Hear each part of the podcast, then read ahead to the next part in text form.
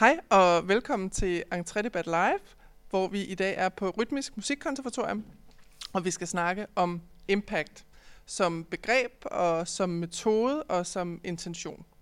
Og med mig her i dag, der har jeg nogle seje, kloge, dygtige folk, som, øh, som skal drøfte tingene med mig. Vi har Katrine Brox og Pernille Tornø, der tog afgang fra den danske filmskole i 2019 som henholdsvis instruktør og producer. Så har vi Jennifer Vedsted Christiansen, som også tog afgang i 2019 fra den danske scenekunstskole, instruktør. Så har vi Peter Kirchhoff Eriksen, som er seniorrådgiver i Bikubenfonden. Og øh, det skal vi høre lidt mere om senere, og jeg hedder Pernille Skov, og jeg er leder af det center, der hedder KAGI, Center for Anvendt Kunstnerisk Innovation. Og som jeg sagde, i, da jeg startede, så øh, skal vi tale om impact. Og impact, det kan jo godt være sådan et øh, lidt tåget begreb, for nogle er det mere klart end andre. Øh, men grunden til, at vi vælger at tale om det her, det er fordi, at vi kigger på det her med, med kunstnerskaber i omverdensrelationer, og impact er nemlig øh, hvad kan man sige, et begreb, som handler om, at man påvirker sin omverden på den ene eller den anden måde. At man har en intention om at skabe en forandringsskabende effekt, øh, eller øh, ligesom få gang i en offentlig samtale øh, på den ene eller den anden måde. Og jeg har jo inviteret jer, fordi jeg synes, I, I hver især repræsenterer nogle forskellige perspektiver på, hvad impact kan være, og hvordan man kan arbejde med det. Øh, og jeg har tænkt, at vi skulle snakke om både impact som en strategi, altså sådan et politisk strategi, måske fra fondperspektiv. Det er jo noget, som fonde øh, og NGO'er i øvrigt også arbejder meget med det, det her impact-perspektivet på, når man sætter i gang i, i et eller andet, eller har et, et ønske om at, at, at ændre noget, eller, eller understøtte en, en offentlig samtale. Og så impact som metode, som er noget, der kommer meget fra film, filmbranchen, hvor man har det, der hedder impact production, som også handler om, at man fra starten øh, af filmens tilblivelse har et ønske om, at, øh, at værket eller arbejdet skal have en forandringsskabende effekt. Og så er der impact som intention, og det er noget, vi selv har opfundet på Kaki. Øh, og det handler om, at man øh, måske ikke nødvendigvis har en strategi som sådan på den måde, men man har et ønske om at være med i en samtale. Man har et ønske om at, at gøre noget i samfundet, eller ændre noget i samfundet, eller tale noget med nogen om noget. Et eller andet. Man har et ønske om at, at, at gøre noget sammen med andre. Øhm, og det kunne være spændende at få udfoldet det, også i konteksten af, øhm, jamen hvis man gerne vil det med sit kunstnerskab og med sit arbejde, hvad har man så egentlig brug for, for at kunne gøre det? Fordi på de videregående kunstneriske uddannelser, der bliver man jo helt utrolig dygtig til lige præcis det specifikke kunstneriske øh, virke, man har. Om man er instruktør, øh, fotograf, øh, producer, musiker, øh, hvad det nu end kan være. Men det der med at ligesom få arbejdslivet, det kunstneriske virke, til at stille sig i en relation til en omverden, eller til at bidrage ind i øh, Øh, hvad kan man sige, spørgsmål eller områder, intentioner, som ligger, øh, hvad kan man sige, måske på en måde uden for kunstnerskabet. Det er måske ikke altid noget, der er fokus på. Så hvis man har et ønske om at gøre det i sin praksis, hvad skal der så til for, at vi kan understøtte det? Det kunne være spændende at udfolde noget af det øh, i samtalen. Men jeg tænker bare egentlig, at øh, vi skal gå i gang, og jeg kunne godt tænke mig at starte med øh, jer to, Katrine og Pernille, om I vil fortælle om jeres arbejde, og, og, og hvad I laver, og hvordan, hvad I interesserer jer for, når ja. I arbejder. Ja, det kan jeg godt. Altså, jeg hedder øh, Pernille, øh, som sagt, øh, og jeg er producer, øh, uddannet fra Filmskolen i 2019, to afgang sammen med Katrine, Øh, jeg har et øh, produktionsselskab sammen med to andre øh, producer, som vi gik på overgang med, mm. øhm, Emilia Victor. Øh, og vi startede blandt andet et produktionsselskab, fordi vi gerne ville være med til ligesom, selv at kunne definere, hvad for nogle historier vi var med til at sætte ud i verden. Øh, så det var, sådan, det var en meget idealistiske udgangspunkt. Vi kan snakke om senere, hvordan det så går. Men øh, det er i hvert fald udgangspunktet. Øh, mm. Ja. Øh, ja, og Pernille og jeg øh, begyndte ligesom at arbejde sammen på... Øh, ja, på afgangsfilmen, som sagt, og øh, det faldt sammen med, at øh, jeg havde lige været sygemeldt i en periode fra filmskolen, en længere periode, øh, fordi jeg blev ramt af en depression og, og angst, og det var egentlig sådan et kæmpe chok for mig. Jeg havde aldrig prøvet at være syg sådan på den måde. Øh, og derfor kom jeg tilbage på skolen. For det første var jeg enormt taknemmelig for, at det ligesom lykkedes at komme tilbage på skolen, øh, og at jeg havde mulighed for at tage afgang på trods af den sygemelding. Men øh, jeg havde sådan meget brændende ønske om at lave en fortælling, som på en eller anden måde kunne øh, skildre det her med, sådan, hvor altafgørende det er at have nogle gode mennesker omkring sig, når man står midt i sådan en psykisk krise. Øhm, så det var egentlig sådan den erfaring, som jo var meget sådan rå lige på det tidspunkt for mig, som jeg kom til Pernille med, og som øh, vi ligesom, vi har begge to på hver sin måde haft psykisk sårbarhed inde på livet, og så det var sådan egentlig en ret erklæret intention, og vi var ikke sådan så formuleret omkring en metode på det tidspunkt, eller øh, hvad den ligesom skulle ud i verden, men vi havde en, en lyst til i hvert fald at, øh, at fortælle et mere nuanceret portræt af, hvad det vil sige. Altså både at blive ramt af psykisk sårbarhed, men også at være øh, pårørende. Øh, ja, så det, øh, vi tog fat i nogle øh, organisationer, blandt mm. andet øh, Headspace, som øh, er sådan en organisation, en frivillig organisation, der hjælper unge, som har ondt i livet. Øhm, ret tidligt faktisk, altså inden vi gik på optagelser. Øhm, egentlig ikke med sådan et super... Øh, en super sådan, øh, formuleret idé om, hvad filmen skulle, men at vi i hvert fald havde lyst til, at den blev vist og blev set af nogen i nogle sammenhænge, som ikke bare var sådan det gængse øh, filmpublikum, som kommer ind og ser afgangsfilm. Øhm, ja, og øh, så skete der hverken værre bedre, end at jeg faktisk blev ramt endnu en gang øh, af en depression, sådan rigtig dårligt timet, lige inden vi skulle på optagelser. Øh, og det ville aldrig være lykkedes at komme hjem med den film, hvis ikke jeg havde haft et hold i ryggen, som altså, bar mig igennem det, og som på en meget sådan, smuk måde blev den film et vidnesbyrd om det, som var hele ideen bag det, altså budskabet med filmen. Øhm, og det lykkedes også at få den ud og få den vist til blandt andet psykiatrisk topmøde i 19, må det have været, ikke? Ja. Ja. ja. Øhm, og det var bare sådan en, øh, en meget livsbekræftende og rørende oplevelse at vise den til nogen, som rent faktisk forstod, hvad det drejede sig om. Mm. Øhm, ja, så det er sådan bare lige i forhold til at tage den der sådan et impact-vinkel. Altså, vi har aldrig selv brugt ordet impact, og jeg tror Nej. selv, da, vi, da du skrev til os, var vi sådan, hvad betyder det? Men øhm, mm. Det må vel være noget med det, tænker jeg. ja, jeg tror, det giver mening i forhold til det, du siger med intention, fordi altså, mm. jeg tror ikke, det var så meget en impact production, på den måde. men jeg tror, vi, vi havde bare en klar intention fra starten om, at vi i hvert fald havde lyst til, at filmen kunne være med til at starte en samtale. Jeg tror ikke, vi, vi på noget tidspunkt tænkte, øh, eller tror, at en film, og især ikke en lille kortfilm ude fra filmskolen, kan ligesom ændre et eller andet kæmpe stort, men jeg tror, mm. vi havde bare lyst til, at den kunne lægge sig ind i en samtale, måske øh, omkring øh, psykisk sårbarhed på en anderledes måde, end det vi i hvert fald havde set øh, portrætteret i film tidligere, øh, hvor det jo ofte, altså den psykisk sårbare person enten er the psycho killer, eller sådan en manic Pixie Dream Girl-agtig. Ja. Så jeg tror bare, vi havde lyst til, ligesom, hvordan vi synes, et realistisk billede øh, kunne se ud fra det her perspektiv. Og det betyder mm. jo heller ikke, at det er sandere end alt muligt andet, men jo flere perspektiver, der kommer, jo mere nuanceret kan billedet blive. Og jeg tror, det var det, vi gerne ville ligesom, bidrage til på en eller anden måde. Øhm, mm. ja. Hvis de øh, fra starten, at I også ville tale med omverdenen om det, altså med organisationer og så videre, eller hvordan ja. kom det ligesom frem? altså vi, vi prøvede, øh, altså vi hævde fat der i Headspace, øh, inden vi øh, optog filmen, men der vidste vi ikke hvorfor, altså vi vidste ikke, hvad vi rigtig skulle sige.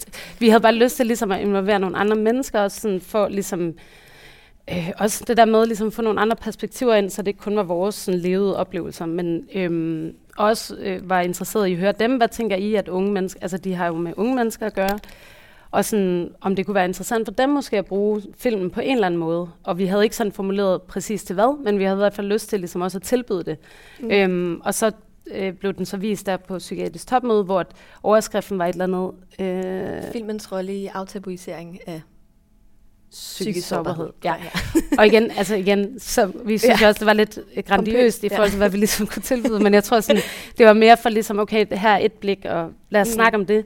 Og det var bare mega inspirerende at vise den der faktisk, og have nogle andre perspektiver på det, end kun øh, når man bliver evalueret ude på filmskolen, som jo oftest mest handler om ligesom det kunstneriske øh, mm. aspekt af det på en eller anden måde. Og for os hænger tingene ret meget sammen, så det var bare fedt ligesom ja. at have den, eller få mulighed for at have sådan en samtale. Ja. Øh, og at the end of the day, så vil vi også gerne lave ting, som folk eller nogen kan blive rørt af, eller nogen kan se. Øh, og det er ikke fordi, de ting, vi laver sammen, i hvert fald er specielt kommersielle nødvendigvis, men, men, men vi har lyst til i hvert fald at ville nogen noget øh, med Mm. det, vi laver. Så jeg tror sådan, at det var sådan en dejlig måde at blive sendt afsted ud fra filmskolen efter vi Mm. Mm, Tak. selv tak. Spændende. Glæder vi til at høre mere om. Jennifer, Pernille? Også 2019, men skolen ved siden af, den Ja. danske scenekunstskole, hvor du jo mødte Emma Sested Høgh, Mhm. som du har startet How to Kill a Dog med. Yes. Og i starten så kaldte I jer en øh, kunstnerduo. Det var da I Yes. lavede Velkommen til Pandora, som var jeres afgangsforestilling, som I udkom med. Og så senere så har How to Kill a Dog, så vidt jeg har forstået, udviklet sig mere til Studio Yes. How to Kill a Dog. For Jo. der er kommet en, en bredere øh, kreds ind i.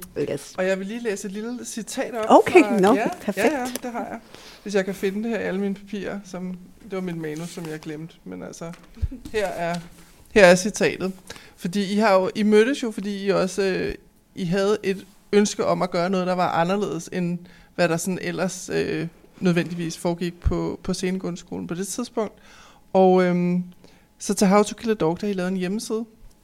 Og på den hjemmeside, der er jo et øh, manifest, som jeg kun kan opfordre til, at man går ind og, og læser, fordi jeg finder det i hvert fald selv enormt opløftende øh, og energisk. Og øh, noget af det, I skriver på hjemmesiden, det er, vi ønsker med How to Kill a Dog at skabe et sted, hvor vi gennem vores scenekunstneriske arbejde kan dræbe hunden i os selv. Den hund, der konstant ønsker at please, være lojal og blive elsket. Og øh, det var jo et spændende øh, opgave, I satte jer selv for, og det var der så også rigtig mange andre, der synes. Fordi det, der jo også er sket, det er, at der omkring How to Kill a Dog er opstået en form for et fællesskab af en masse andre unge kvinder, som også synes, at den her samtale er værd at udvikle. Så vil du fortælle lidt om jeres arbejde, og, og hvor I er nu? Og så? Ja. Tak. Det, det bliver jeg jo glad for, at du ser og oplever. Øhm, jeg tror, det vi har fundet ud af, det er, altså, vi var sådan meget optaget af at lave noget, der, var, øh, der havde betydning for Emma og mig. Altså noget, der var rigtigt for os selv, og øh, lave noget, der var sandt for os. Det er meget nemt at få autoritet til at sige noget fra noget, man er ekspert på, og vi er bare vildt meget eksperter i at være os og se tingene fra vores udgangspunkt. Øhm, så det var også sådan, øh, det skulle være en hurtig produktion, så det var jo nemt at gå i gang med det. Øhm, men det har også vist sig at være vildt givende, og jeg synes, at det er også fordi, vi efterhånden kender hinanden så godt, øh, så kan man også gå ind og ligesom ramme nogle steder og tør sige nogle ting til hinanden, som vi måske ikke ville turde sige til nogle andre. Og det, som vi har oplevet, som har været ekstremt befriende for os, det er, at øh, når, når vi har sat noget på scenen, som har været øh, øh, sårbart for os at fortælle om, at så har vi oplevet Gud. Der er folk, der sidder og griner genkendende. De kan simpelthen de kan se sig selv i det. Og, den, øh, og det fællesskab, der opstår der, øh, har haft en betydning for os. Og jeg øh, ønsker, og jeg synes, jeg har oplevet flere gange, at øh, i de ting, vi laver, så kan man som publikum også få et fællesskab med dem, man sidder sammen med. Fordi man kan se, Gud, ej, der var andre, der grinede det der, okay, eller nogen, der bliver rørt. Nå, men det, så er jeg ikke den eneste i verden, der har det på den måde. Og øh, det er jo, jeg synes, vi taler tit om, at øh, vi skal stille spørgsmål med kunsten, og det synes jeg også det er virkelig vigtigt. Jeg synes, noget, jeg gør mig umage for, det er også at tilbyde et svar. Øh, og, øh, og lige i den her sammenhæng, så oplever jeg noget, altså, hvad jeg synes er meget presserende for tidsp- på det her tidspunkt, øh, og som jeg også synes er presserende, når vi arbejder med How to Kill a Dog, det er, at svaret, det må være fællesskab. Altså, jeg oplever, at øh, vores publikum særligt har en stor ensomhedsfølelse. Man kan føle sig alene med sine problemer og tænke, at jeg er den eneste, der har det på den her måde. Øh, føle sig forkert. Øh, føle, at andre kigger på en på en bestemt måde. Man er ikke lige så god som de andre, man ser. Mm, det er jo også særligt påvirket, altså bliver vi enormt påvirket alle sammen af de sociale medier. Det gør jeg også selv. Man ser, wow, der er alt muligt det her, der sker. Og det at opleve et fællesskab, hvor at man ser, der er andre, der kæmper med de her ting. Og jeg har ret til mine følelser. Jeg har ret til at tage den plads, jeg er. Jeg behøver ikke at gemme mig. Jeg har ret til at stå op for mig selv øh, i mit parforhold, på mit studie, på min arbejdsplads, i min familie. Øh, jeg er okay. Øh, og det håber jeg, at man kan... Øh, det er i hvert fald en følelse, jeg selv har i det arbejde, vi laver, og som jeg tror, man kan få som publikum. Både i den proces, hvis man er involveret i den proces, vi har, men også når man sidder øh, i teatersalen, eller til koncerten, eller foran fjernsynet. Nu sagde du involveret i den proces. Kan du fortælle lidt mere om, hvordan I måske også øh, bruger jeres fællesskab, eller community, eller hvad man, jeg ved ikke, hvad man skal kalde det? Nej, det har jeg ved heller ikke endnu. Nej. Det kommer. øhm, jamen, det startede egentlig med, at vi øh, altså, øh, på skolen, øh, med den måde, som vi opbygger vores teater på, øh, vores forestillinger på, det er ikke ved at lave et øh, traditionelt manuskript.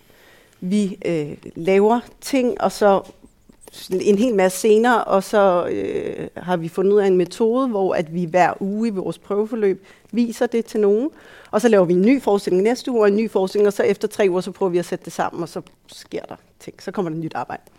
Øhm, og vi besluttede os for, at det skulle være en fest, der gør det her. Vi havde 4.000 kroner og fire uger til at lave en forestilling, og øh, Emma, hun var bare sådan, det skal blive den bedste forestilling nogensinde. øh, hun inviterede bare hele branchen til at komme og se den, uden vi overhovedet var gået i gang og sådan noget. Øh, det gik heldigvis rigtig godt. Så hver fredag så inviterede vi folk på skolen til, og øh, vi lukkede med, at der var champagne, og så kom der jo rigtig mange. Det var perfekt, og, øh, og så det, vi havde lavet. Og efter det, så var det jo meget tydeligt at mærke, sådan, om, hvad virker, hvad virker ikke, og øh, vi bad dem om at skrive ned omkring deres oplevelse. Og det har vi egentlig holdt fast i, det der med at lægge noget ud, og så få feedback på det. Det er jo sådan, oplever jeg nu, øh, at det... Øh, at det også er vildt sårbart, fordi at det, man får også lyst til at præstere, og at folk skal have en god oplevelse. Men det gør også, at man lige sådan, der nogle gange opstår noget ekstra. Det er jo ikke så meget mig, der præsterer. Det er jo mest Emma, der står på scenen. Men øhm, det gør også, der sker noget ekstra. Men det er vildt spændende at mærke, hvad, hvordan... Også fordi vi taler så, abs- altså at kunst er sådan et abstrakt sprog, jamen det, som vi har en intention om, er det også det, man får ud af det. Jeg synes, det er vigtigt at få det ud, som vi har på hjerte, øh, og at det i hvert fald bliver forstået. Øh. Og hvordan er det, I inviterer folk ind? Er det, altså, skriver de til jer? Er det workshops? Øh, hvad sker der sådan helt øh, Jeg synes, vi har sådan mange sådan kunstneriske refleksionspartnere, som vi inviterer ind til at se noget, øh, eller til at læse noget. Og så har vi, øh, så bruger vi vores Instagram-profil helt vildt meget til at skrive ud, hvad øh, optager jer, og hvis vi har et øh, spørgsmål, vi er optaget af. Øh, men til vores sidste forestilling, øh, Lolita for altid, så øh, havde vi skrevet ud til øh, vores øh, følgere på Instagram, hvad er du bange for, at folk ikke kan lide ved dig? Hmm. Og det kom der sådan nogle vilde ting øh, ud af, og man bare tænkte sådan, og det strømmede bare ind med besvarelser på alt muligt. Og meget af det var sådan noget, øh, jeg er bange for, at jeg er for meget, at folk synes, mm. jeg er for meget, eller Øhm, der var også nogen, der skrev, hele mig. Mm. Så, mm. så vi endte med at have det med i forestillingen, hvor at publikum kunne, kunne skrive op på scenen til sidst. Altså, vi spurgte dem, hvad er, det, hvad er du bange for? Og øhm, det var det, jeg lige screenshottede før. Mm. Fordi øh, der bare sådan for at sige noget af det, som folk så skrev op. Det var, øh, jeg er bange for, at folk ikke kan lide mit arbejde, mit selvværd, at jeg er for selvoptaget, min måde at snakke på, mit hår, min udadvendthed, min vildskab, min manglende empati, min sårbarhed, min mave, min direktehed, min usikkerhed. Altså tusind ting. Og det vi så gjorde, det var, at Emma hun læste det højt, men i stedet for så sagde hun, jeg er stolt af mit selvværd. Jeg er stolt af, at jeg får selvoptaget. Jeg er stolt af min måde at snakke på.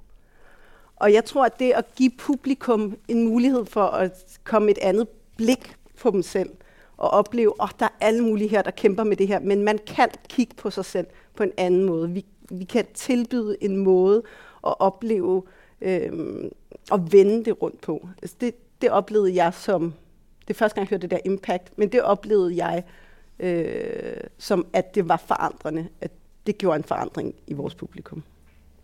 Der er også øh, tak for at dele det.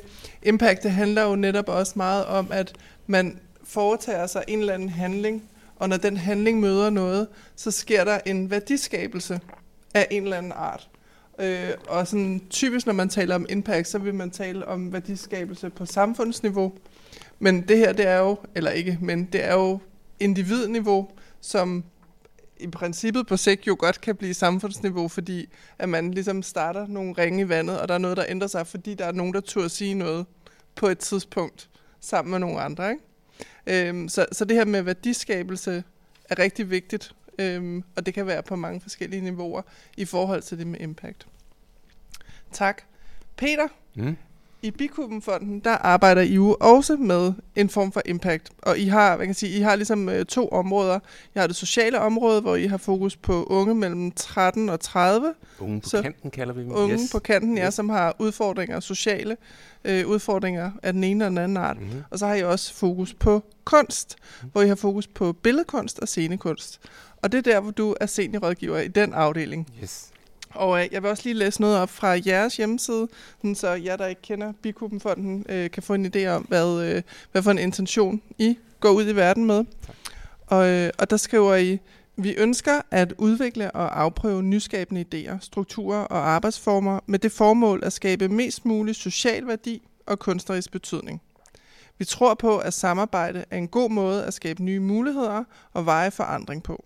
Derfor samler vi ofte mange parter om fælles indsatser, der ofte strækker sig over mange år. Mm-hmm. Så det er jo også, hvad kan man sige, en beskrivelse af impact. Og for nylig, der har I jo også udgivet en øh, meget omfattende undersøgelse, øh, som hedder, den ene hedder scenekunstens betydning, mm-hmm. og den anden hedder billedkunstens betydning. Mm-hmm. Øhm, så det er same, same but different, mm-hmm. øhm, som har noget at gøre med det her med, øh, og betydning, det er så i samfundet, så vidt jeg har forstået det. Vil du ikke fortælle lidt mere om, hvad... Det kan du tro. Ja, tak. tak. Og tak, fordi jeg må være her i dag. Det er super spændende. Tak, fordi du kom. Jo, det er korrekt. Vi i Bikumfonden, vi tror, vi har sådan en, en grundlæggende tro på kunstens betydning. Det er det, vi arbejder ud fra.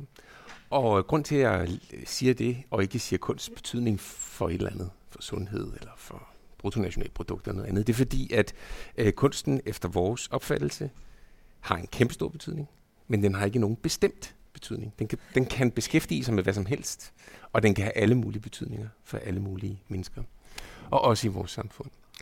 Det vi gennem mange år har erfaret, det er at i den dialog, vi har med øh, kunstinstitutioner, med kunstnere, og også øh, med mange politikere, så er det sådan, at, at vi ser, at rigtig mange, der arbejder med kunst hver dag, også der er her, vi har rigtig mange nuancer på, hvad kunsten betyder for os som mennesker, og hvad det betyder at have kunst i sit liv.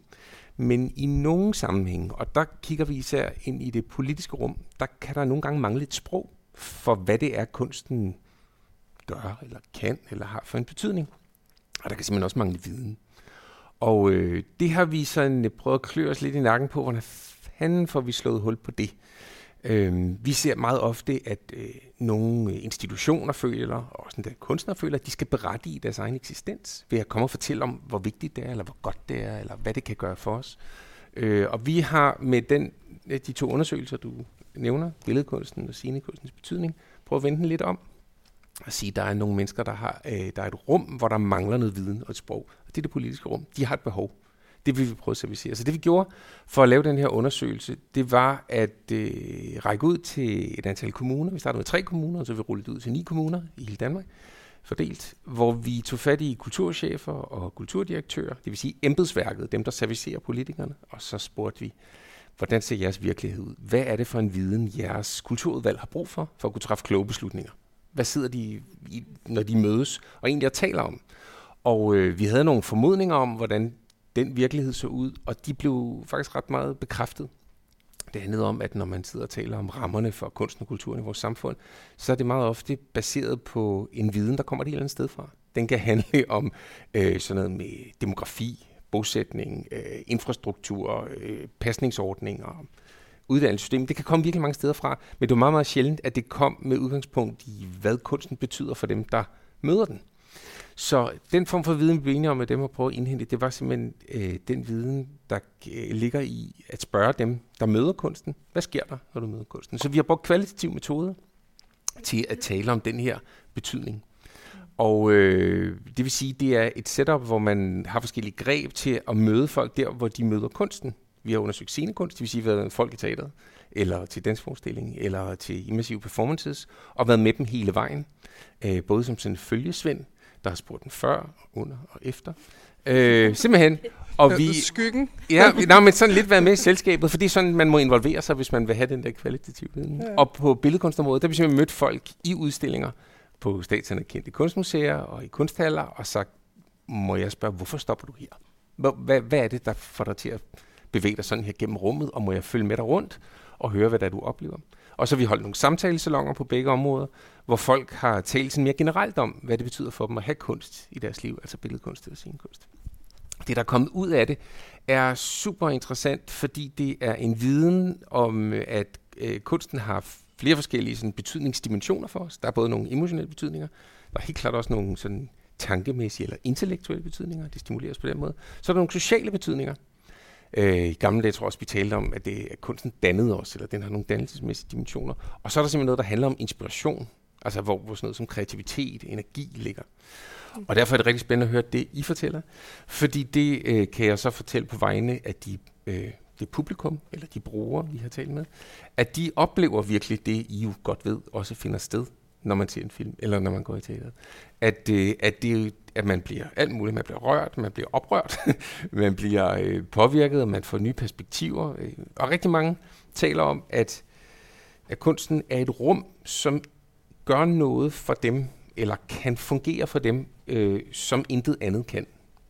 Vi taler om folk som øh, ældre mennesker, som sagde, jamen jeg har mistet min mand, og jeg er flyttet til en ny by, og jeg kan sgu ikke finde ud af noget. Men når jeg så går på museet, så er det det sted, hvor alle de ting, jeg plejer at være i forbindelse med, altså naturen, landskabet, det, det får jeg gennem de her værker, som er af nogle lokale fynsmalere eller noget af den stil. Det, så findes det for mig, så er jeg i kontakt med det.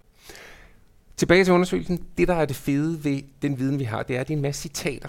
En kæmpe citatbank. Og hvis der er noget, politikere gerne vil høre, så er det, hvad deres borgere siger om det, de har skabt mulighed for, at de oplever.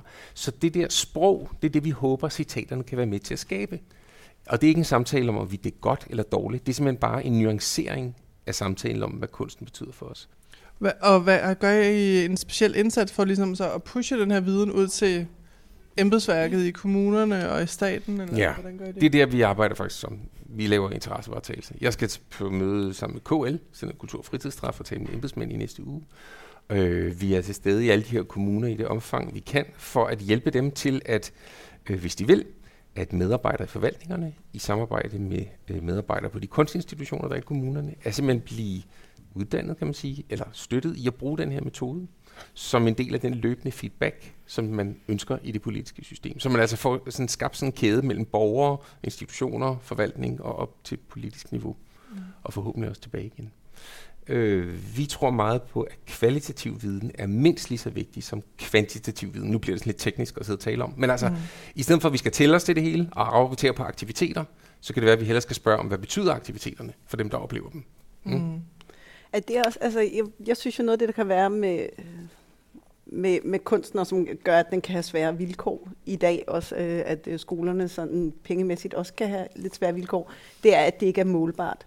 Øh, man kan ligesom ikke måle værdien af det. Det er også måske netop det, der giver det værdi. At det her en måde også at forsøge at bygge bro mellem, kan man sige, når, og, og, og øh, give kunsten bedre vilkår ved at forsøge at give den en eller anden form for øh, målfasthed øh, i forhold til dem, der helst skulle give den nogle penge eller nogle bedre vilkår. Hmm. Ja, godt spørgsmål. Altså det, det er i hvert fald øh, det er vores intention at øh, skabe et sprog for det, der ellers kan være svært at gribe om. Mm. Og netop det der med at måle værdien eller måle betydningen, det er ikke et meningsløst spørgsmål, men det er de rammer lidt ved siden af skiven, så man kan sige, det vi håber, det er at nuancere samtalen og skabe en større bevidsthed om, hvad er det, vi gør, når vi beslutter, at der skal være en scenekunstskole, eller der skal være en filmskole. Og have en større bevidsthed om, hvilken øh, betydning det har i vores samfund, fordi den bevidsthed kan hjælpe os til at træffe bedre beslutninger. Vi siger ikke nødvendigvis, at der skal være flere penge eller færre penge eller andet, men i hvert fald, når man prioriterer, at man gør det på det rigtige grundlag. Mm. Øh, det er i hvert fald et mål, vi har med det, som vi virkelig håber på. Det er jo også spændende i forhold til, øh, det er spændende af rigtig mange grunde, men når der vi kigger på det her med, med kunstneriske virksomheder og dimittenter, der kommer ud fra, fra vores skoler, øh, de syv videregående kunstneriske uddannelser, så går vi jo også ud, så kigger vi jo tit på et arbejdsliv, som øh, har øh, det, man kalder sådan porteføljeøkonomi, hvor man har alle mulige øh, forskellige indtægtskilder. Øh, noget af produktion, noget af støtte, noget af salg, noget af undervisning måske osv. Men en stor del af det, det er tit noget, som har at gøre med øh, det, vi kalder de frie midler, fundraising. Og det der, hvor impact faktisk også er ret interessant øh, begreb at arbejde med, og der, hvor jeg, jeg tror, jeres undersøgelse også kan komme til at have stor betydning. Fordi man skal tit, når man laver de her fondsansøgninger, så skal man skrive, hvad for, hvor mange kommer der, øh, hvem skal se det, hvem får glæde af det her, øh, hvad er jeres, altså hvordan skal det her nå publikum osv., men vi har ligesom ikke rigtig haft noget, der kunne øh, kigge på de her intentioner og på den her værdiskabelse i et længere tidsligt forløb eller på en mere nuanceret måde. Så det er rigtig spændende i forhold til finansieringsmodellerne øh, og vores argumenter som kunstneriske virksomheder ind i til, til fonde, både offentlige og private. tror jeg, det kunne blive rigtig spændende. Mm-hmm. Tak. Har I nogle spørgsmål til hinanden? Jeg har jo, øh, jeg har jo snydt lidt hjemmefra og lavet nogle spørgsmål, øh, som I også har fået tilsat. Men jeg tænker, inden vi går i gang med dem, har I så noget, I vil, har lyst til lige at spørge hinanden om? Eller? Jeg er ret nysgerrig. Mm. Ja. Øh, på begge parter.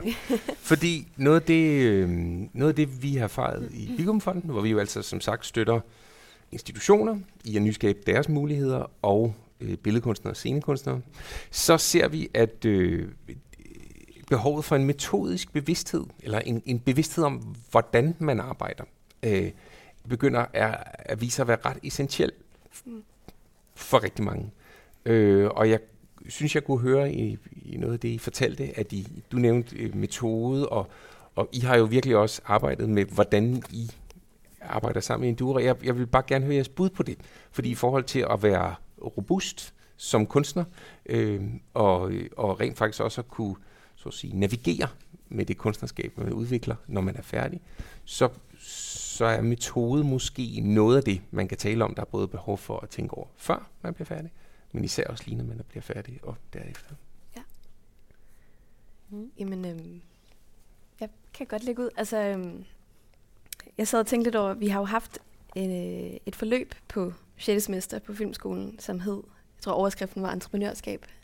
Øhm, som øh, Jonas Frederiksen, som også har været herinde til en samtale, øh, som er producerlærer ude på skolen, øh, hvor han netop prøvede at ligesom prøve os lidt med noget metode, eller i hvert fald at begynde at prøve at finde et sprog for, sådan, hvordan kan man skabe noget værdi med de her værker, sådan så at I står lidt mere solidt, når I kommer ud fra skolen, og at man netop ikke kun bliver målt på altså, antal views eller øh, gode anmeldelser, eller sådan, fordi øh, det er jo bare et meget sårbart sted at stå. Øhm, men øh, jeg tror, for mig begyndte det først at give mening, da jeg, altså øh, det her undervisningsforløb, vi havde, da jeg fandt ud af, at det også var en måde at øh, ja, sprogliggøre sådan, hvordan vores arbejde potentielt kunne komme til at give mening for andre end kun os selv, hvis det giver mening. Mm. Øhm, Ja, og jeg ved ikke, altså vi er jo øh, stadig totalt grønne og nyudklækket for skolen, så det er ikke sådan, fordi vi har en eller anden fast metode, men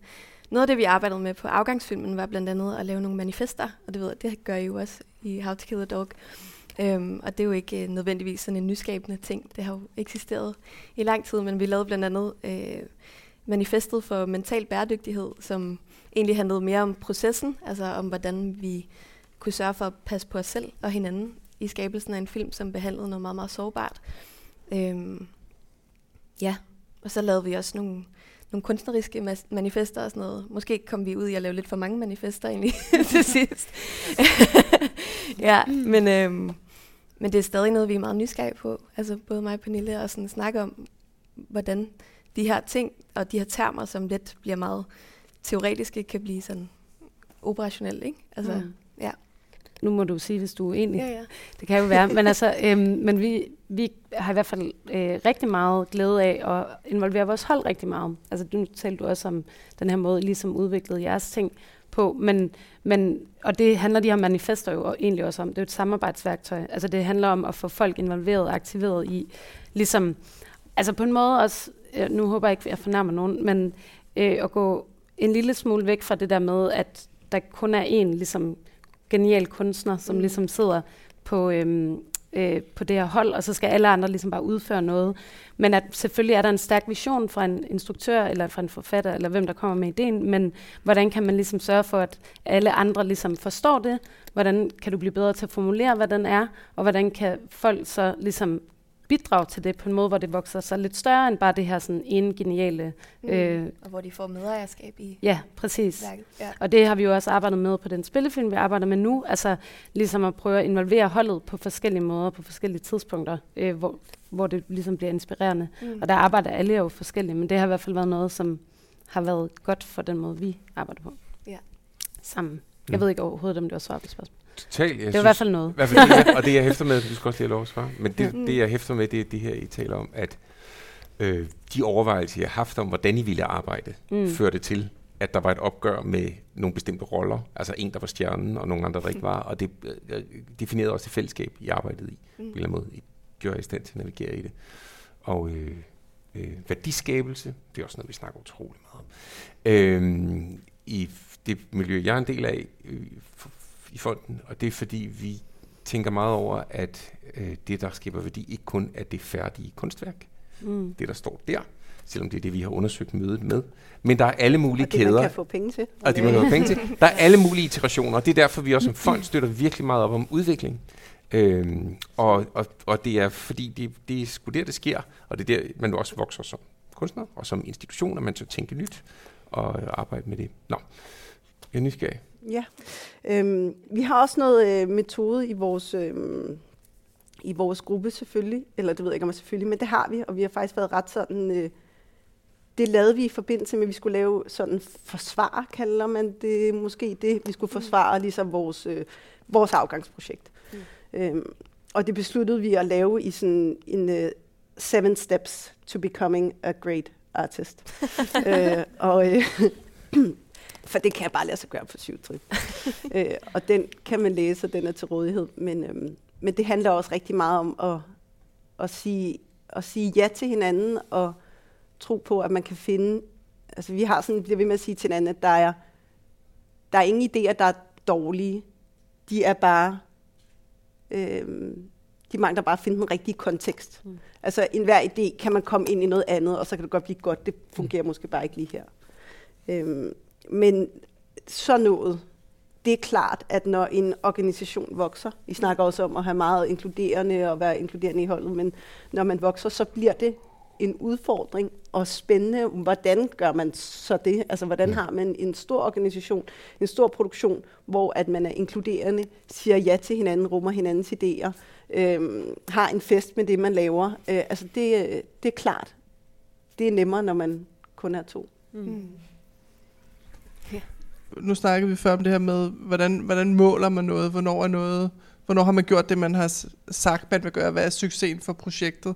Øh, hvis man skal afrapportere til nogen, for eksempel, så er det jo ofte sådan i en kunstnerisk virksomhed, så vil man måle succeskriteriet på øh, kunstnerisk, som i, at det her fuldstændig outstanding kunst, øh, eller også så vil man måle det kommercielt, og nogle gange hænger det sammen, nogle gange så gør det ikke kommercielt i den forstand, hvor mange penge tjente du på det, tjente du nok. Øh, fik alle løn? Nej, det gjorde de måske ikke, men så mange som muligt fik de løn for det her. Mm. Så der ligesom er øh, de her to, det kunstneriske og det kommercielle, som man kan sige, det er her, hvor vi måler succeskriteriet. Men hvis vi nu går ind og taler om metoder og samarbejde øh, og intentioner, kunne det så åbne op for nye succeskriterier i et kunstnerisk virke eller en kunstnerisk virksomhed? Øhm, det er et svært spørgsmål, synes jeg, men jeg tænker, altså vi har i hvert fald talt meget om os, fordi nu er vi i gang med den her øh, Katrines første spilfilm, som kommer ud til efteråret, og altså at gå fra filmskolen og komme ud i den virkelige verden, der er den største ting jo, det er, at det skal møde et publikum, som ikke bare er ligesom kollegaerne, der går på hendes årgang osv. Og det er jo klart, at når man laver film for eksempel, så er det enormt målbart, hvor mange der ser den. Altså, det kan du ligesom, du får en mail om, at der er 200, der har se den, og så er det sådan, nå, Det var Søren, ikke så det var træls, at jeg brugte fire år på det. øhm, så det, altså det, det er ret hardcore, altså, og det er også øh, svært at komme ud øh, som ny, nye filmskaber og komme ud i et marked, som er så mættet, som det er øh, lige nu. Øh, så derfor har vi talt enormt meget om, sådan, også bare at redefinere, sådan, hvad betyder det egentlig, at noget er en succes, fordi fordi altså, jeg tror nem, nemlig, det er netop sådan, det føles sådan enten gode anmeldelser og en god festivaltour, eller så helt vildt mange solgte billetter, og der er ligesom ikke rigtig noget in between, og der er rigtig mange, der ligger sig in between. Det er jo de fleste, der gør det. Mm. Så jeg tror, altså vi havde lavet sådan noget, øhm, vi lavede i udviklingen faktisk sådan noget øh, publikums research-agtigt, øh, som man kan få støtte til på DFI, mm. øh, hvor vi ligesom, øh, det hænger lidt sammen med det, du nævnte før også, med det der med, altså hvad er det, vi gerne vil sige, og siger vi det, vi gerne vil sige.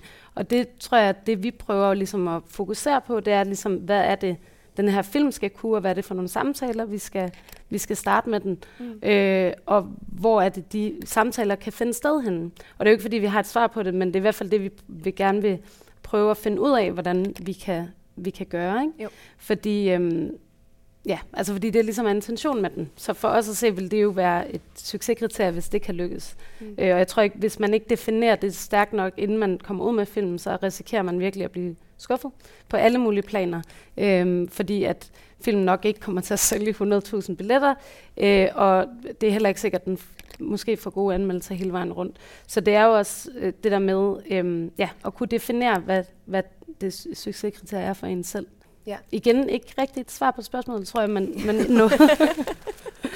Det er jo svært. Altså, jeg, jeg, jeg, jeg er meget enig. Jeg synes, jeg prøver at sige sådan, til, at hvis det, kan, hvis det kan gøre noget ved en person, så må det ligesom Ja. være sådan, okay, fint, ikke? Så, Ja. så har vi noget imod. Men, men er spørgsmålet, at leder du også efter, hvad kan man bruge til at sælge sig selv på? Altså, eller sådan, hvad kan jeg, hvad kan jeg sige? Eller hvordan, øh, er Nej, lidt altså, altså nu, nu vil jeg jo aldrig sige, at man sælger sig selv Nej, i den her sammenhæng. eller ja, sådan. man, ja. Øh, man stiller et eller andet til rådighed, som man Mm. har lavet, eller som man kan, eller et eller andet. Ikke? Øhm, når vi gør det i vores, når vi laver film, eller forestillinger, eller albums, eller hvordan det nu end er, vi udkommer med vores arbejde, øhm, så bag hver øh, projekt, hver praksis, hver virke, så ligger der jo også en intention, der er en grund til, at man gør noget. Mm. Øh, og den grund kommer ofte mange flere ved, fordi vi også vi er jo mennesker, og vi er forbundet på den ene eller den anden måde. Så hvis man kan øh, gribe i sin intention, i stedet for hele tiden at kigge på værket, som skal et eller andet sted hen, eller sælges til nogen, eller gøre noget med nogen, men kigger på sin intention, så lige pludselig så må, åbner man jo også op for, at der er mange flere, der kan være med til at løfte det, man laver øh, frem, eller være med til det. Og så lige pludselig, så kan det faktisk også komme til at betyde noget for, for, for den samlede virksomhed, og for det her med den bæredygtige praksis. Men det, det kræver på en eller anden måde, at man flytter blikket fra succeskriteriet på se, behold, mm. hvad vi har lavet her. Faktisk måske i virkeligheden lidt tilbage til sig selv, eller grunden til, at man gjorde det, man gjorde sammen med nogen. Mm. Det, det, Er det Ja, det forstår jeg så godt. Og det synes jeg er, giver rigtig god mening. Mm. Jeg vil også sige, at jeg har, jeg har helt sikkert sådan, øh, oplever, at det også har en stor betydning at komme ud til mange. Men jeg oplever også en tendens, det er også det der, jeg siger med, at alt skal måles tidligere, Peter. Jeg Mm. oplevede, øh, at altså, vi har for eksempel lige fået, det vidste jeg slet ikke, men den forestilling, vi lavede her i vinter, genopsat i vinter, der har vi fået sådan nogle målinger.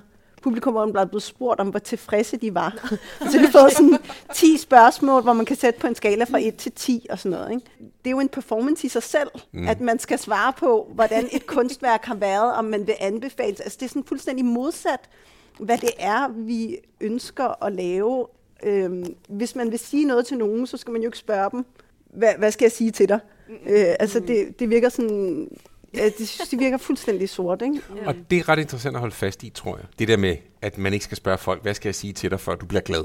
Eller Ja. før at det her Det er værk vil være fedt for dig. Det er hunden, ikke? Ikke? Ja. Ja, lad os kalde det det. Det er hunden. øh, man skal i stedet for, øh, tror jeg, orientere sig mod noget af det, du siger. Altså, at øh, der er nogle intentioner.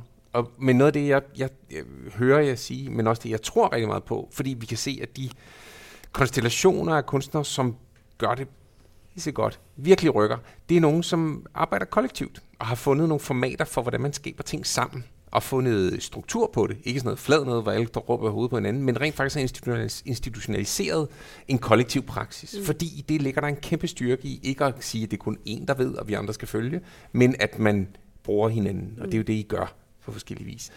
Øh, jeg vil jo love så langt som til at sige, at der måske i vores samfund generelt er en længsel mod at kunne have nogle fællesskaber, hvor man kan være okay, eller hvor man kan øh, finde ud af det sammen. Mm. Fordi det der øh, hyperindividualiserede, det er dit ansvar, det, du skal klare det hele, eller skaffe det hele, den, den er ret hård, og det er en hård måde at leve som kunstner, men det er også en hård måde at leve som menneske i det ja. hele taget. Så der er noget i den måde, kunst bliver skabt på, som er super attraktivt, tror jeg, som et alternativ, som et billede på, hvordan vi også kunne være. Mm.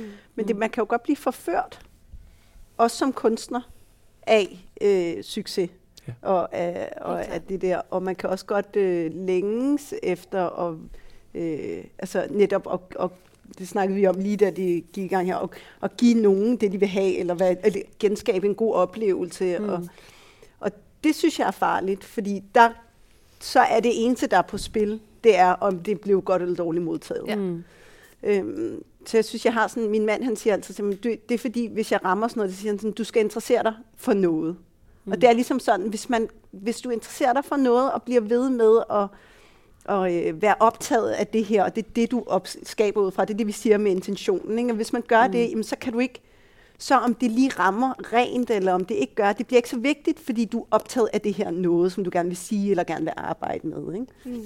Og det synes jeg er sådan øh, godt at huske på, både øh, når øh, det går øh, godt, og når det går dårligt, eller ja. hvad man siger, på de målparametre, der er. Mm. Øhm, fordi det kan man på en eller anden måde, kan man heller ikke... Øh, målsætte interesse. Altså, det, det er umuligt. Ja. Mm. Pernille, må jeg supplere med noget? Fordi du, du leder efter øh, sådan noget mål, nye målepunkter eller sådan noget. Og jeg tror, ja, ja, okay, men vi taler lidt rundt om noget af det der. Jeg kan også noget. Men, men noget af det, jeg tror, kan være en hjælp for os alle sammen, det er, hvis vi holder op med at bruge ordet, at vi vil måle værdien af noget. Altså, det kan vi godt, men så kan det kun blive det, vi tæller. Men hvis vi nu kunne tage, det er derfor, vi har gået meget op i at snakke om betydning, altså kunstens betydning. Hvis vi taler om betydningen af noget, så, så åbner det ligesom efter øh, min eller vores vurdering for øh, mange flere nuancer på, hvad det kan være. Betydningen kan være utrolig mange ting. Det kan være, at betydningen er, at det er noget er irriterende. Og den irritation rummer en friktion, der er producerende for, at jeg overvejer tingene på en ny måde, eller vi sætter gang i en samtale, eller et eller andet.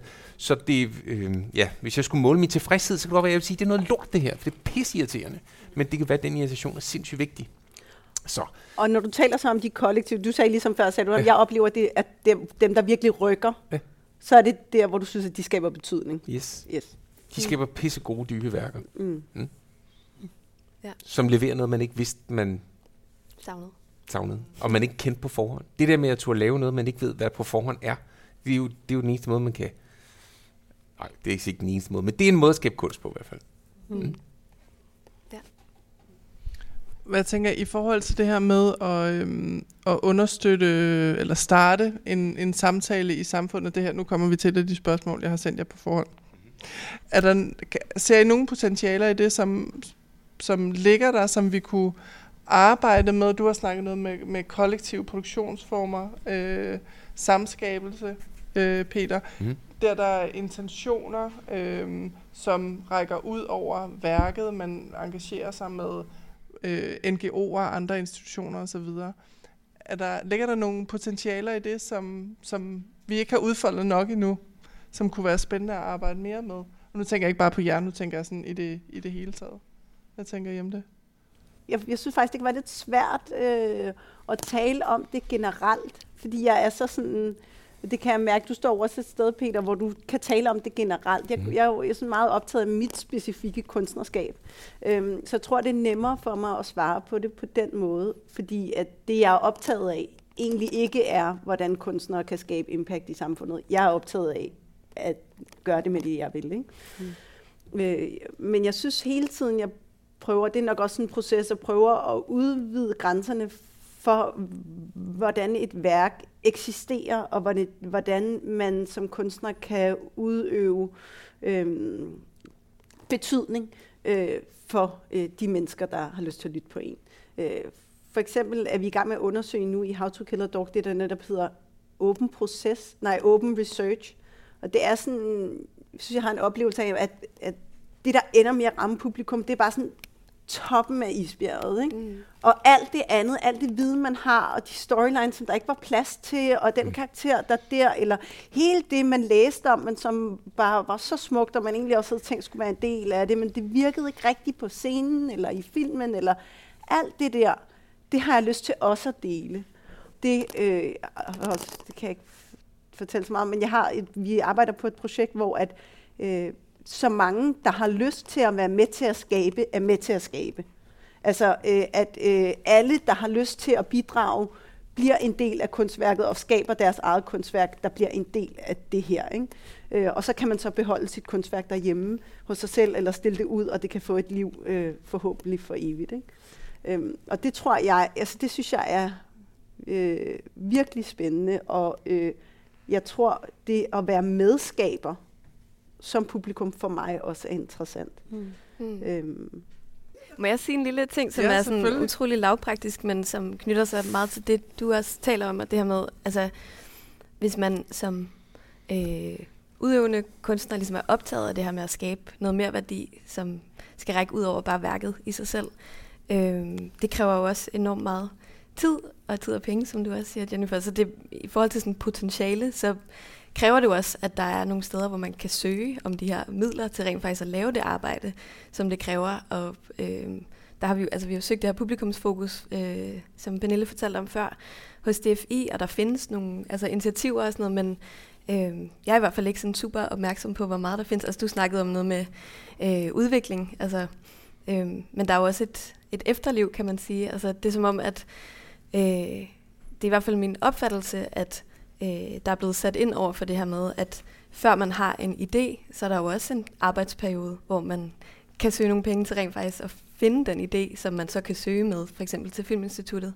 Men hvad så, når man har en færdig film? Altså, hvordan sikrer man, at, at den også får et liv, og på den måde, som man har drømt om, den mm. skulle have det, ikke? og mm. er med til at skabe de øh, samtalerum? Altså, fordi i forvejen, når man arbejder på en low-budget film, så har man jo arbejdet i, i mange år for meget få penge for at komme hen til en færdig film. Så jeg tror i hvert fald, det kræver en opmærksomhed på, altså, hvordan man kan gøre det bæredygtigt for ja. dem, der skaber filmene. Ja. ja. Eller og så er man nødt til at hoppe videre til det næste, lige når den er færdig. Ikke? Fordi man ligesom allerede har opbrugt ja. alt. Så jeg tror sådan, og det er jo super fedt, man kan søge publikumsfokus. Der er ikke rigtig noget øh, vi er i hvert fald ikke bevidste om det, mm-hmm. hvor man ligesom kan søge til, at, at kunstnerne og producenten også kan blive øh, ja, aflønnet for ligesom også at skulle, skulle gøre det ekstra stø- stykke arbejde efterfølgende. Ikke? Jo. Så det er jo også lidt sådan på en eller anden måde, hvor systemer er også bygget op på en måde, som de har været rigtig lang tid i forhold til, hvordan man kan finansiere i hvert fald film. Jeg ved intet om andre ting. Øhm, I verden. I verden, nej, om andre kunstformer overhovedet, og hvordan det er bygget op. Men altså, der er ligesom, øhm, så det er klart, hvis det skal blive bæredygtigt og noget, som flere skal ligesom gøre, så er det jo også nødt til at, at blive det på en måde, så folk ja. øh, kan leve af det. Altså ud af det, jeg lytter mig til, så, øh, og jeg, jeg kan jo ikke tale på andre fondes vegne, men, men noget af det, der kan være nøglen til måske, at kunne opnå støtte, mm. eller i tale sætte muligheden for at opnå støtte, øh, til andet end det færdige produkt, det man udkommer med hos mm. de kulturstøttende fonde det kan jo netop være det, vi sidder og taler om nu.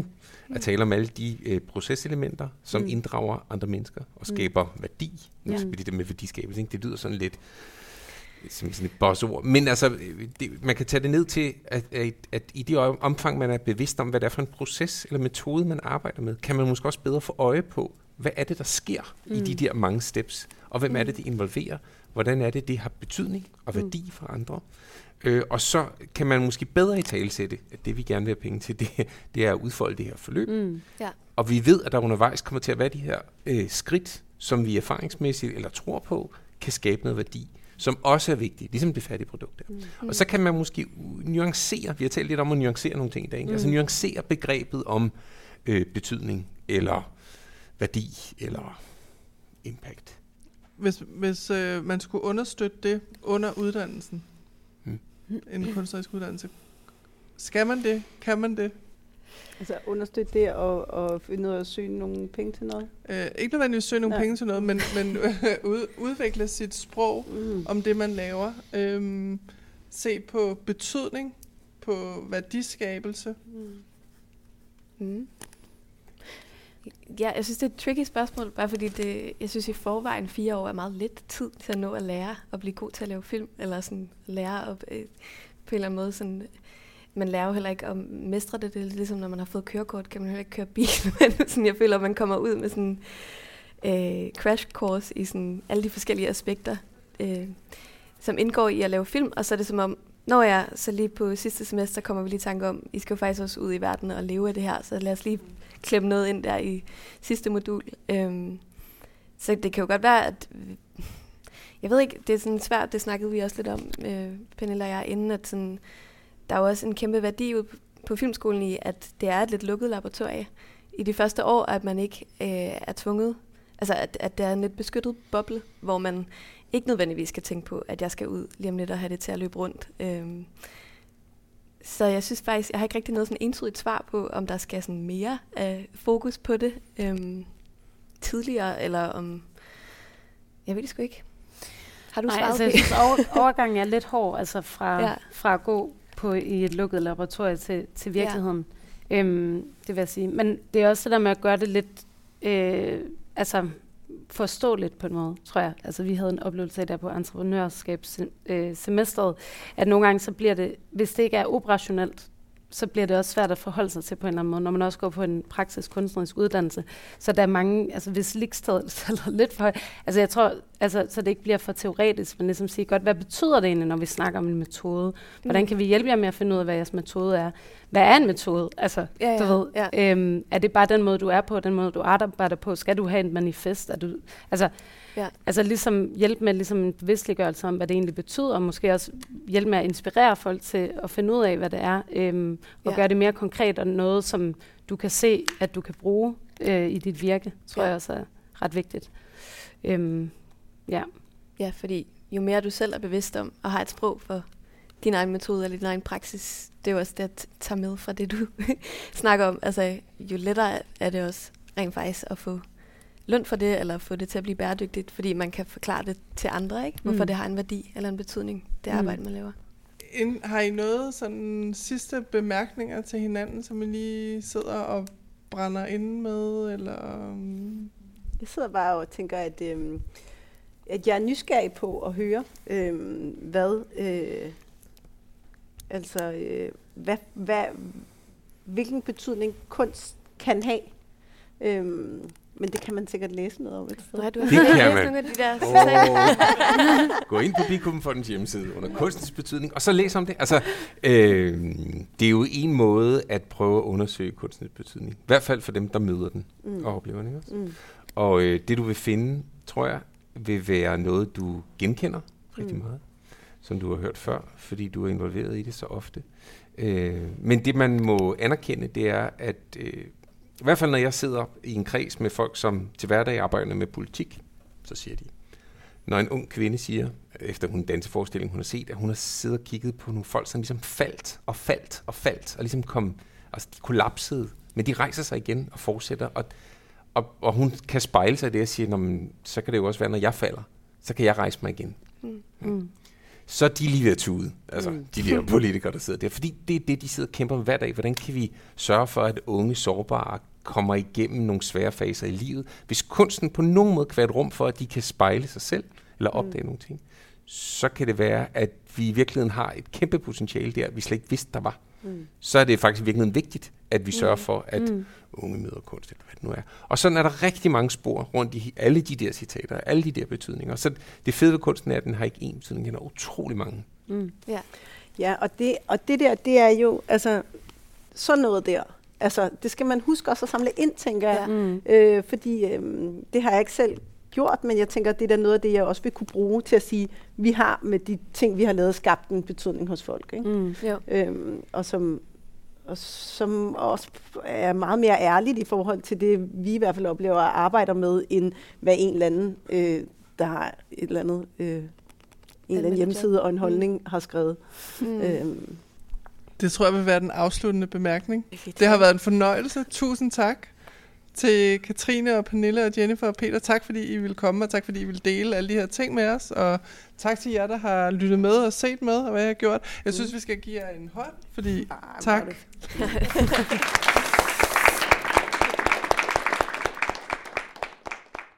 Du har lyttet til podcasten Entré Debat. Du kan se, høre og læse meget mere om entréindsatsen på de videregående kunstneriske uddannelser på Kakis hjemmeside kaki.dk. Podcasten er også produceret af Kaki, Center for Anvendt Kunstnerisk Innovation, og jeg håber, at du også vil lytte med på de andre episoder af Entré Debat. Dem kan du finde, hvor du normalt henter din podcast, eller direkte fra Kakis hjemmeside. Tak fordi du lyttede med.